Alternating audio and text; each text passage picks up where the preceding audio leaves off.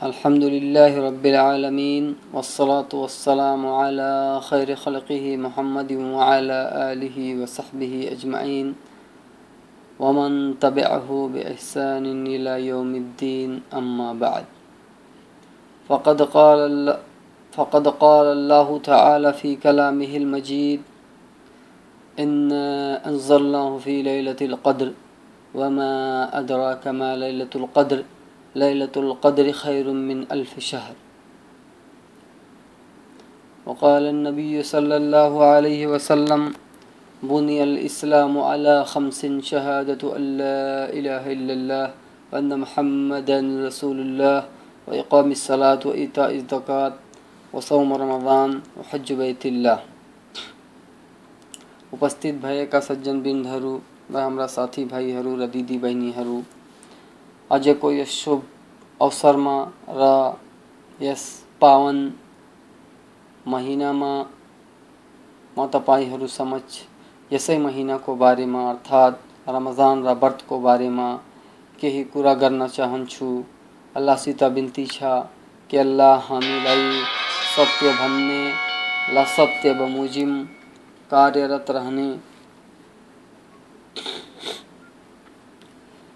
अवसर प्रदान गरून् आमिन. साथै यो बिन्ती पनि छ कि अल्लाह हामी सबैलाई यस पावन महिनाबाट लाभान्वित हुने र यस पावन महिनामा अधिकभन्दा अधिक सुकर्म गरेर त्यसको स्वर्गको अधिकारी हुने सो अवसर प्रदान गरोस्। आमिन। अल्लाह तबारक व तआलाले यसै महिनामा यस कुरानलाई अवतरित गरेको थियो। र यसै महिनामा नबी सल्लल्लाहु अलैहि वसल्लमलाई दूतत्व प्रदान गरियो। र यसै महिनामा त्यो रात्रि छ जसमा पूजा आराधना एक हज़ार महीना भन्दा अधिक पुण्य मिल्छ। र यो नै त्यो महिना हो जसमा रसूल सल्लल्लाहु अलैहि वसल्लम अधिक भन्दा अधिक उदारता देखाउँथे र अल्लाह पनि यस महिनामा अत्याधिक उदारता देखाउँछ। त हामीलाई पनि चाहियो कि हामी पनि यस महिनामा उदारता देखाउँ अरूमाथि परोपकार गरौँ र स्वयं आफूमाथि परोपकार गरौँ स्वयं आफूमाथि हामी कसरी परोपकार गर्न सक्छौँ? त्यो यसरी कि हामी अल्लाहको पूजा आराधना गरौँ, स्वर्गमा जाने बाटोमा लगौँ, अल्लाहको गुणगान गरौँ, नमाज़ कायम गरौँ व्रत बस्दै गरौँ रात्रिमा यस महिनाको रात्रिमा अधिकभन्दा अधिक भंडा, अधिक नमाज़, नफली नमाज़, तरावी, इत्र आदि पढ्दै गरौँ र जस्तो कि हामी हेर्छौँ यस महिनामा विशेष रूप रूपले मुस्लिम समुदाय तरावीको आयोजना गर्छ र तरावी जमातको साथ पढिन्छ र पढाइन्छ हदिसहरूमा हेर्दाखेरि रसुल सल्लाह वसल्लमले पूर्ण महिना जमातको साथ पढ्नु भएन कारण यो थियो कि उहाँलाई यो भय थियो कि यस तरावीको नमाजलाई पनि हामीहरूमाथि उहाँको अनुयायीहरूमाथि अनिवार्य नगरियोस्। यसै भयले गर्दा। उहाँ सल्लल्लाहु अलैहि वसल्लमले जमातको साथ। पूर्ण महिना पढ्नु भएन बरु सबै उहाँका साथीहरू सहाबीहरू प्रतीक्षा गर्दै रहन्थे कि रसुल सल्लम आएर हामीहरूलाई तरावीको नमाज़ पढाउन्, तर उहाँ आफ्नो कोठाबाट निस्कनु भएन। मात्र यसै कारण कि कदाचित यस्तो नहोस् कि मेरो अनुयायीहरूमाथि यो नमाज़ पढी अनिवार्य गरियोस्। तर रसूल सल्लल्लाहु अलैहि वसल्लम को स्वर्गवास पश्चात वहाँ को निधन पश्चात, हज़रत उमर रजियल्लाहु ताला अनुले आफ्नो शासनकालमा सहाबीहरूलाई ताबईहरूलाई जमातको साथ यसलाई पढ्नुमा प्रेरित गरे र मुवत्ता इमाम मालिकमा जुन हदिस छ जसलाई असर भनिन्छ हदिस होइन असर हो, दुईटा असरहरू छन्। एउटामा छ कि उहाँले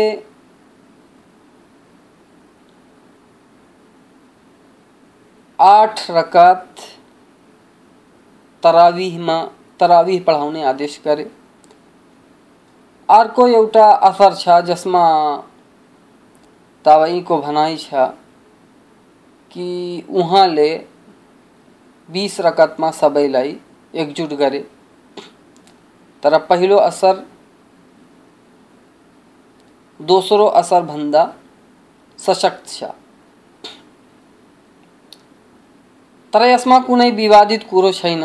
जसलाई मन पर्छ बिस रकात पढोस्, जसलाई मन पर्छ आठ रकात पढोस्। तर जुन हदिसबाट साबित छ, प्रमाणित छ कि रसूल सल्लल्लाहु अलैहि वसल्लम आठ रकात तरावी भन्दा अधिक कहिले पनि पढ्दैनथे जसलाई हत्त आइसाले वर्णन गर्नुभएको छ। त्यसको त्यसमा यो छ उल्लेखित छ कि ग्यारह रकात रकातभन्दा अधिक रसुल सल्लम कहिले पनि पढ्दैनथे आठ रकात तरावी जसलाई कयामुल पनि भनिन्छ। अरू विभिन्न नामहरू छन् यसका। र, तिन रकात, वित्र। त पूर्ण ग्यारह रकात भयो। तर यसमा विवाद गर्नु मूर्खता हो। जसलाई मन परोस् आठ रकात पढो, जसलाई मन परोस्, बिस रकात पढो, जसलाई मन परोस् साठी रकात पढोस्। त्यसमा कुनै विवाद छैन, यो नफिली नमाज़ हो, जति पनि पढ्न सकिन्छ। तर यसमा विवाद गरेर आपसमा झगडा गर्नु, आपसमा ईर्ष्या गर्नु, आपसमा शत्रुता गर्नु, यो मूर्खता हो। यो इस्लाममा यसको कुनै स्थान छैन। यसबाट इस्लामले रोकेको छ। अल्लाहको भनाइ छ वातसुमु बिहब्लिल्लाहि जमिअन वला तफर्रकु। अल्लाहको रस्सीलाई बलपूर्वक समाती हाल, र विभाजन नगर, वला तफर्रकु। त यति सानो कुरोलाई जुन जायज़ छ त्यसमा कुनै बन्देज छैन। त्यसलाई लिएर उम्मतमा विवाद गर्नु, विभाजन गर्नु, यो ठिक छैन। यो अनैतिक कुरा हो। यो अवैधानिक कुरा हो। हाम्रा इन्डिया, नेपाल, पाकिस्तान, बङ्गलादेश, बर्मा आदि मा बस्ने मान्छेहरू र त्यहाँका पेटपालु मौलवीहरू यस कुरालाई लिएर हाम्रो समाजमा, हाम्रो मुस्लिम समाजमा विभाजन गर्छन्।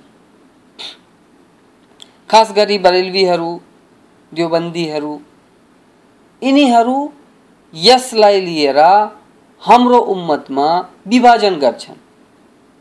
भन्छन्, जुन बिस रकात पढ्दैन, त्यो इस्लामबाट खारेज छ, त्यो विद्यार्थी हो त्यो यस्तो हो त्यो काफिर हो, इत्यादि कुराहरू भन्छन्, जुन ठिक छैन। आठ रकात पढ्नु नै सुन्नत हो, रसुल सल्लमको त्यही तरिका हो। अब रसुल सल्लाह वसल्लमको तरिकामा अमल गर्ने, त्यसै बमोजिम कार्य गर्ने मान्छेलाई यदि काफिर भनियोस् यसभन्दा अभागापना अरू के हुन सक्छ? तसर्थ यसमा विवाद गर्नु ठिक छैन र जुन मान्छेहरू पनि विवाद गर्छन्, तिनीसित मेरो यो अनुरोध छ कि अल्लाहको लागि, इस्लामको लागि, अल्लाहको अन्तिम सन्देष्टा मोहम्मद सल्लाह वसल्लमको प्रेमको लागि आपसमा विवाद नगरून्। यस कुरालाई लिएर विभाजन नगरून्। यदि उनीलाई इस्लामसित प्रेम छ, अल्लाह रसुलसित प्रेम छ भने उनीहरूको कुरालाई मानुन्। जुन आठ रकात पढिराखेको छ त्यो नै सत्यमा छ र त्यो नै रसुल सल्लाह वसल्लमको पद्धतिमा छ। त्यसलाई गाली गर्नु ठिक छैन। र जुन बिस रकात पढिराखेछ त्यो पनि सुमार्गमा छ। किनकि यद्यपि त्यो सुन्नतमा अमल गरिराखेको छैन त्यो सुन्नत बमोजिम होइन तर त्यस त्यो रसुल सल्लाह आलि वसल्लमको कथन बमोजिम छ। अर्थात्, रसुल सल्लाह वसल्लमले त गर्नुभए छैन तर अनुमति प्रदान गर्नुभएको छ। यदि कोही पढ्न चाहन्छ भने जति चाहोस् त्यति पढ्न सक्छ। यसमा कुनै बन्देज छैन कि यति नै पढ्नुहोस् जति पढ्न सक्नुहुन्छ त्यति पढ्नु पढ्नुहोस् कुनै बन्देज छैन यसले गर्दा त्यसलाई पनि विदाती भन्नु मिल्दैन। त्यसलाई पनि इस्लामको उल्लङ्घनकारी भन्नु मिल्दैन। जुन बिस रकात अथवा चालिस रकात अथवा साठ रकात पढ्छ त्यसलाई पनि उल्लङ्घनकारी भन्नु मिल्दैन। यद्यपि त्यो सुन्नतमा, सुन्नत बमोजिम कार्य गरिराखेको छैन तैपनि रसुल सल्लमले अनुमति प्रदान गरेको रेखामा नै त्यो पनि छ। त यस महिनामा यो सबै, अर्थात् पूजा पाठ तरावी, वित्र आदि पढ्नु, यो हामीहरूको लागि जरुरी छ। र विवाद नगर्नु पनि जरुरी छ। रसूल सल्लल्लाहु अलैहि वसल्लमले भन्नुभयो कि इस्लामका आधारहरू पाँच वस्तुमा पाँचवटा पाँच वस्तुमा पाँच चिजमा छन्। ला इलाहा मोहम्मद रसुल्लाहको गवाही दिनु, नमाज़ कायम गर्नु, जकात दिनु, रमज़ान महिनाको व्रत बस्नु र हज गर्नु। रमज़ान महिनाको व्रत बस्नु पनि इस्लामका आधारहरूमध्ये एउटा आधार हो। र यो रमजानको महिना हामीमाथि अनिवार्य गरिएको छ अर्थात् यसमा व्रत बस्नु अनिवार्य गरिएको छ अल्लाहको फरमान छ आस्थावानहरू तिमीहरू रोजा राख्नु तिमीहरूमाथि रोजा राख्नु, त्यस्तै अनिवार्य छ। जसरी तिमी भन्दा पहिलाका मानिसहरूमाथि अनिवार्य गरिएको थियो। सुरतुल बकरा, श्लोक नम्बर एक सौ तिरासी।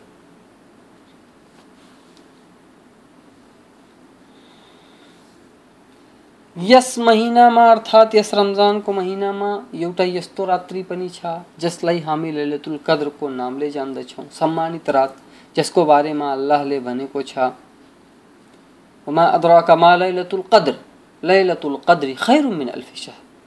कि तिमीलाई के थाहा? लैलतुल कद्र के हो? सम्मानित रात के हो?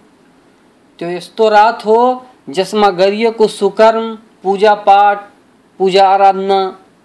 एक हज़ार महिनामा गरिएको पूजा आराधना भन्दा श्रेष्ठ छ, सम्मानित छ। यस्तै यस महिनामा समस्त उपाधि र उपद्रवी शैतान भूत प्रेतहरूलाई जन्जिरबाट बाँधिन्छ जन्जिरबाट बाँधिएर थुनिन्छ र स्वर्गको ढोकालाई खोलिन्छ र नर्कको ढोकालाई थुनिन्छ। जस्तो कि रसुल सल्लाह वसलमले भन्नुभयो, जब रमजानको महिना आउँछ, त स्वर्गको ढोका खोलिन्छ, र नर्कको ढोका बंद गरिन्छ, र शैतानहरूलाई जन्जिरहरूद्वारा बाँधिएर थुनिन्छ।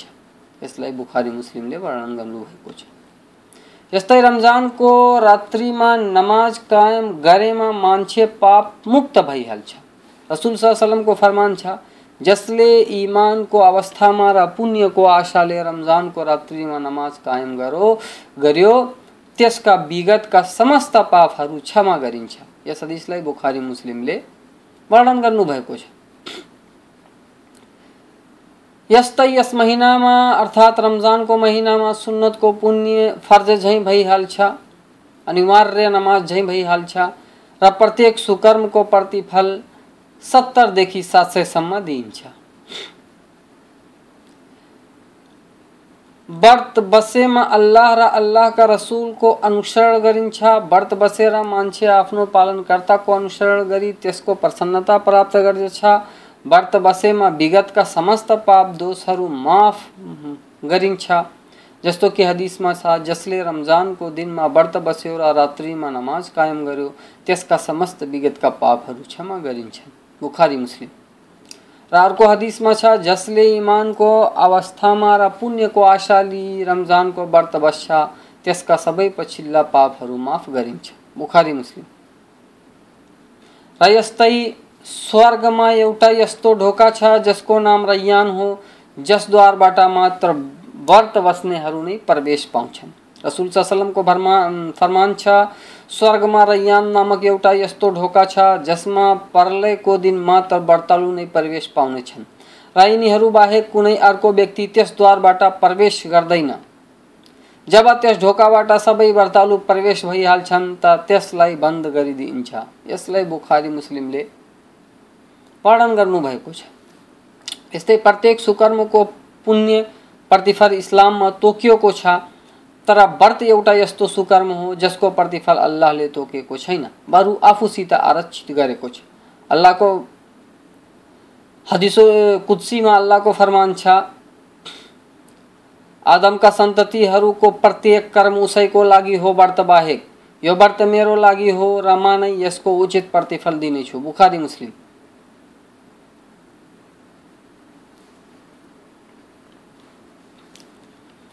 व्रतलाई किन अनिवार्य गरियो? यस दृष्टि यस कुरामा हेर्दाखेरि हामीले यो थाहा हुन्छ कि व्रतबाट अल्लाहको भयतरास प्राप्त हुन्छ र अल्लाहको निकटता एवं प्रसन्नता प्राप्त हुन्छ। किनकि दास लुकेर खानपान गर्न सक्छ र अरू कुनै अवैधानिक कार्य गर्न सक्छ। तर यस्तो गर्दैन मात्र अल्लाहको प्रसन्नता पाउनको लागि। त्यसको कष्टदायक सजायबाट बाँच्नुको लागि। व्रतबाट अमानवीय र अवैधानिक कार्यबाट बाँच्नुको प्रशिक्षण दिइन्छ कि यदि दास एक महिना निरन्तरताले सबै अवैधानिक र अमानवीय कार्य क्रियाकलापलाई त्याग्न सक्छ भने जीवनभरि यसो गर्न सक्छ यसले गर्दा दासमा आत्मविश्वासको सृजना हुन्छ अनि दास वास्तवमा सबै अवैधानिक कार्यलाई त्यागेर भद्र पुरुष बनिहाल्छ व्रत मान्छेलाई संयमी र धैर्यवान बनाउँछ। जब दास भोग तिर्खा र अरू सबै कुराहरूमा धैर्यले संयम राख्छ, त त्यसको आत्मा र शरीरले संयमको बानी बसाली संयम गर्नुमा सामर्थ्यवान भइहाल्छ अनि त्यो मान्छे धैर्यवान भइहाल्छ। व्रतबाट गरिब निसहाय निमुखा भोका आदिको अवस्थाको बारेमा ज्ञान हुन्छ। सधैँ अभावको पीडा सहन गर्ने मान्छेहरूको अवस्थाको बारेमा थाहा हुन्छ अनि दास उनीहरूको सहायता गर्नुतर्फ प्रवृत्त हुन्छ। व्रतबाट मेलमिलाप भाइचाराको सिर्जना हुन्छ। जब दास आफ्ना भोकाएका भाइहरूलाई भोजन गराउँछ त दुवै बिच माया र आदरको भावना उत्पन्न हुन्छ। र एक अर्काको काम लाग्ने भावनाको उत्पाद हुन्छ। यसले गर्दा समस्त समाज सुख शान्तिले रमाउँछ र जुन खाल्टो हाम्रो समाजमा समृद्ध र गरिबहरू बिच देखिन्छ त्यो समाप्त हुन्छ। र यस जस्ता अरू उद्देश्यहरू छन् जसलाई वर्णन गर्नु अलि अप्ठ्यारो छ किनकि यो त्यसलाई वर्णन गर्ने ठाउँ होइन।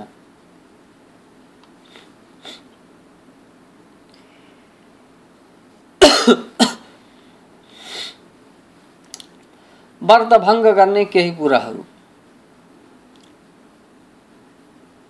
जानी बुझी खानु पिउनी अल्लाहको फरमान छ तिमीले तबसम्म खानपिन गर जबसम्म कि पराताको सेतो धर्को रातिको कालो धर्कोबाट स्पष्ट नभइजाओस् सुरतुल बकरा, श्लोक नम्बर एक सौ पचासी। तर मान्छेले यदि बिर्सेर खायो पियो भने कुनै दोष छैन। रसुल सल्लाह वसलमको फरमान छ जसले बिर्सेर खायो पियो त्यसलाई चाहियो कि आफ्नो व्रत पूर्ण गरोस्। किनकि त्यसलाई अल्लाहले आफ्नो कृपाले खुवाएको छ। बुखारी मुस्लिम। व्रतको अवस्थामा महिलासित सम्भोग गर्नु अर्थात् श्रीमतीको गुप्ताङ्गमा सहवास गर्नु तर इफ्तार गरे पश्चात वा रात्रिमा सहवास गर्ने अनुमति छ। अल्लाहको फरमान छ रोजाको रात्रिमा तिमीलाई आफ्नो स्वास्नीसित सहवासको अनुमति दिइएको छ। तिनीहरू तिम्रा वस्त्र हुन् र तिमीहरू उनका वस्त्र हौ। सुरतुल बकरा, श्लोक नम्बर एक सौ पचासी। रबर्टको अवस्थामा यदि कसैले सहवास गरिहाल्यो भने त्यसमाथि दण्ड छ, र त्यसको त्यस दिनको व्रत पनि भङ्ग हुन्छ। दण्ड यो हो कि यदि सामर्थ्य छ भने एक दास मुक्त गरोस्, यसको क्षमता छैन भने दुई महिनाको निरन्तर व्रत बसोस्, रमज़ान महिना गुजरे पश्चात। यसको पनि शक्ति छैन भने साठ गरिब मिस्किनहरूलाई एक बखतको खाना खुवाओस्। यदि यसको पनि क्षमता छैन भने त्यसमाथि केही छैन, मात्र अल्लाहसित क्षमा याचना गरोस्। बुखारीको हदिसमा वर्णन छ कि अबु हुरारा वर्णन गर्नुहुन्छ कि हामी रसुल सल्लाह वसल्लम नजिक बसेका थियौँ अनि एउटा मान्छे आयो र भन्यो, हे अल्लाहको रसुल, मैले व्रतको अवस्थामा नै आफ्नो श्रीमतीसँग सहवास गरेँ। त रसुल सल्लाह वसल्लमले भन्नुभयो तिमीलाई एउटा दास स्वतन्त्र गर्नुपर्छ। त त्यस मान्छेले भन्यो हे अल्लाहको रसुल, मेरो यो गर्दन बाहेक अरू कुनै गर्दन छैन जसलाई म स्वतन्त्र गरौँ त रसुल सल्लाह वसलमले भन्नुभयो, दुई महिनाको निरन्तर व्रत बस्नुपर्छ त त्यस मान्छेले भन्यो, मा यसको शक्ति आफूमा पाउँदैन त उहाँले भन्नुभयो, साठ मिस्किनलाई भोजन गराउनुपर्छ त त्यस मान्छेले भन्यो, हे अल्लाहको रसुल, मसित यदि क्षमता, यति क्षमता छैन कि कसैलाई भोजन गराउँ अनि केही बेर पश्चात कतैबाट सदकाको खजुर आयो त रसुल सल्लाह वसलमले त्यस मान्छेलाई भन्नुभयो, यो लिएर जाऊ र गरिबहरूलाई खुवाऊ त त्यस मान्छेले भन्यो, हे अल्लाहको रसुल, यो मदिना सहरमा मभन्दा गरिब कोही पनि छैन। त रसुल सल्लाह वसलमले हाँस्दै भन्नुभयो, जाऊ, आफू खाऊ र आफ्नो परिवारलाई खुवाऊ। यसलाई बुखारी मुस्लिमले वर्णन गर्नुभएको छ। यस हदिसबाट निष्कर्ष यो निस्कन्छ कि जसले पनि सहवास बर्यो, त्यसलाई दण्डित गरिन्छ। यदि शक्ति छैन भने अल्लाहसित क्षमा याचना गर्नुपर्छ। यस्तै सहवास बाहेक कुनै तरिकाले पनि वीर्य निष्कासित गर्नु चाहे त्यो हस्तमैथुनले होस् वा चुम्बनले वा अरू कुनै तरिकाले मान्छेको व्रत भङ्ग भइहाल्छ। पुरुष को गुप्तांग को सुपारी, महिला को गुप्तांग में प्रवेश पाए बित्तिकै व्रत भङ्ग हुनेछ चाहे वीर्यको पतन होस् वा नहोस् रगत निष्कासित गरेमा पनि व्रत भङ्ग हुनेछ चाहे त्यो सिङ्गी लगाएर वा कसैलाई दान गरी। तर उपचारको लागि, अर्थात् उपचार गर्नुको विषयमा रगत अनुसन्धानको लागि निकालिएको छ भने कुनै फरक छैन। यस्तै आफै नाक वा मुखबाट रगत निस्केमा कुनै फरक छैन। व्रत सही हुनेछ व्रत भङ्ग हुँदैन। टॉनिक ग्लुकोज, स्लाइन एवं शक्ति को लागि प्रोटीन युक्त इंजेक्शन इन्जेक्सन लिएमा व्रत भङ्ग भइहाल्छ तर यस्तो इन्जेक्सन जुन शक्तिको लागि छैन बरु कुनै बिरामीको कारण लिइन्छ त्यसबाट व्रत भङ्ग हुँदैन धुम्रपानका समस्त कुराहरू र नसिला पदार्थहरूको सेवनबाट पनि व्रत भङ्ग हुन्छ जानी बुझिकन उल्टी र यस्तै जानी बुझिकन उल्टी गर्नु बन्ता गर्नुबाट पनि। व्रत भङ्ग भइहाल्छ तर आफै उल्टी आएमा कुनै दोष लाग्दैन अर्थात् बन्ता आफै आएमा व्रत भङ्ग हुँदैन। तिर्मिजीको एउटा हदिसमा छ जसलाई पनि व्रतको अवस्थामा उल्टी आयो त्यसमाथि कजा छैन। तर जसले स्वयं जानी बुझिकन उल्टी गर्छ त्यसमाथि कजा अनिवार्य छ। तिर्मिजी। यस्तै महिलालाई मासिक धर्म रजस्वला अथवा प्रसुतिको रगत आएमा त्यसको व्रत भङ्ग हुन्छ। चाहे त्यो रगत सूर्यास्तभन्दा एक मिनट पहिला किन नआएको होस्। र यस्तो अवस्थामा व्रत बस्नु महिलाको लागि हराम छ। तर यदि कसैलाई रोगको कारण जसलाई अरबी भाषामा इस्तिहाजा भनिन्छ, रगत आयो भने त्यसको व्रतमाथि कुनै हानि नोक्सानी पर्दैन, बरु त्यस महिलाको व्रत दुरुस्त, शुद्ध हुनेछ।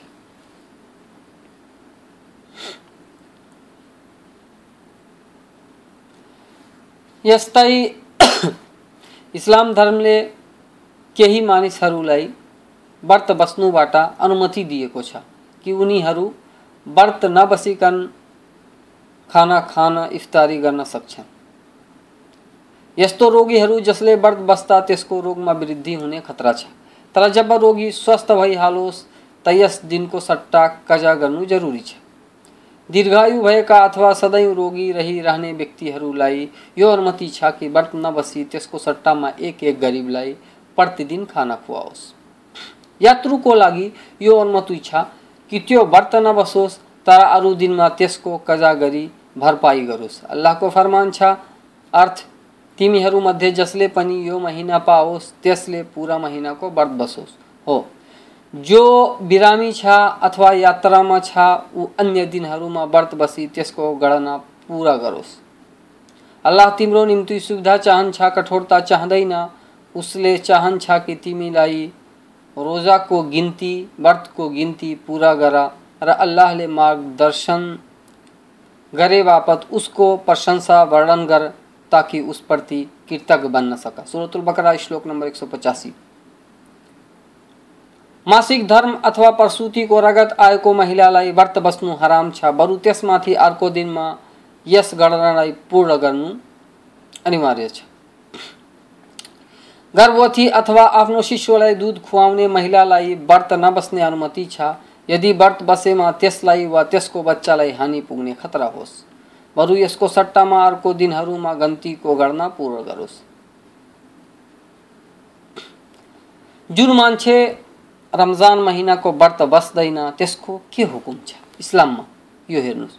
जुनसुकै मुसलमान व्यक्तिले रमजानको महिनाको व्रत अकारण बस्दैन वा व्रतलाई भङ्ग गरिदिन्छ भने त्यो महापाप गरिरहेछ।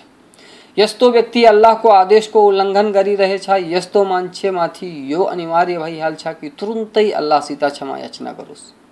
तर जुन व्यक्तिले व्रतको अनिवार्यताको इन्कार गर्छ, त्यो व्यक्ति काफिर भयो। र यस्तो व्यक्तिको मृत्यु यदि यसै अवस्थामा हुन्छ भने त्यो नर्कवासीहरू मध्येको भइहाल्छ।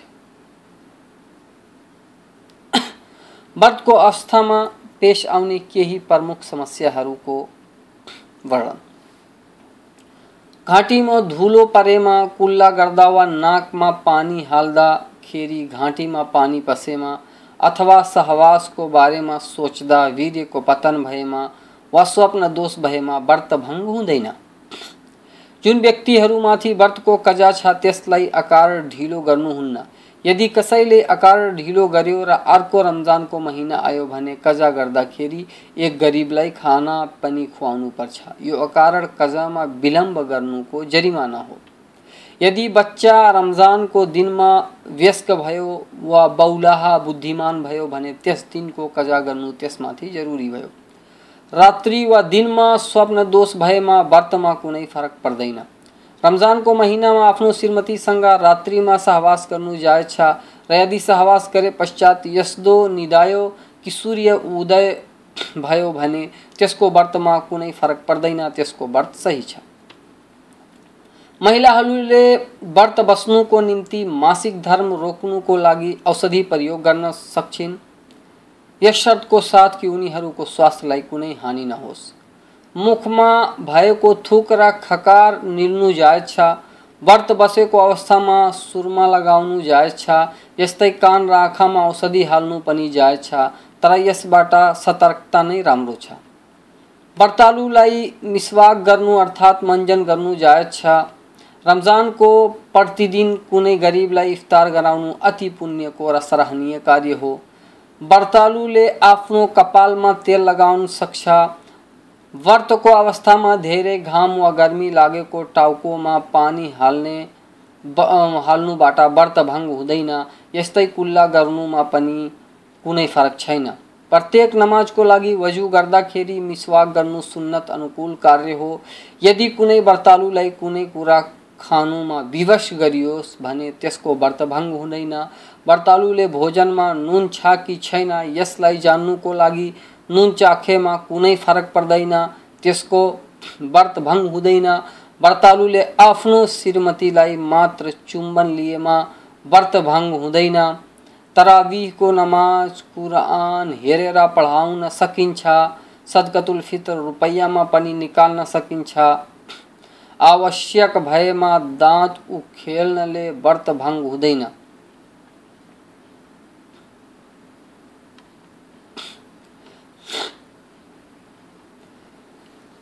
यस्तै यस महिनामा अल्लाह तबारक ताला उदारता गर्छ र धेरैभन्दा धेरै मानिसहरूलाई नर्कबाट माफ़ी प्रदान गर्छ।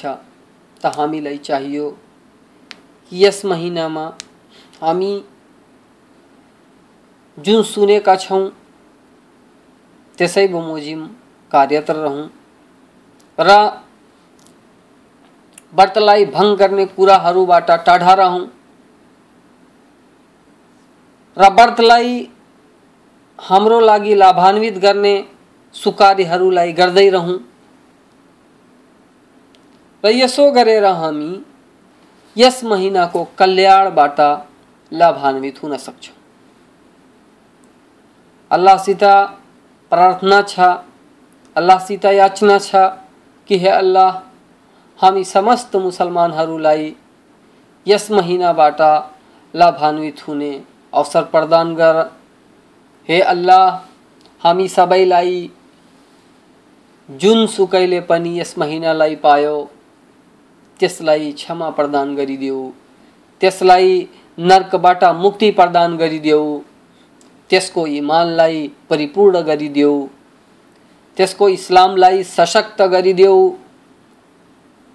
त्यसको पाइलालाई इस्लाममा सुदृढ गरिदेऊ। हे अल्लाह, जुन हाम्रा भाइहरू यस महिनालाई पाएका छन्, उनीहरूलाई स्वर्ग प्रदान गरिदेऊ। उनीहरूका पापहरूलाई पुण्यमा परिणत गरिदेऊ। उनीहरूका समयलाई उनीहरूको लागि लाभान्वित बनाइदेऊ। हे अल्लाह, हामी समस्त मान्छेहरूको लागि यस रमज़ान महिनालाई कल्याणकारी बनाइदेऊ र यस मार्फत हामीहरूलाई स्वर्ग प्रदान गर, आफ्नो क्षमा प्रदान गर। हे अल्लाह, तिमी कबुल गर्नेवाला छौ। हामीहरूको याचना कबुल गर। वाखरुद्द अवान अनिल हमदुलिल्लाह रब्बिल आलमी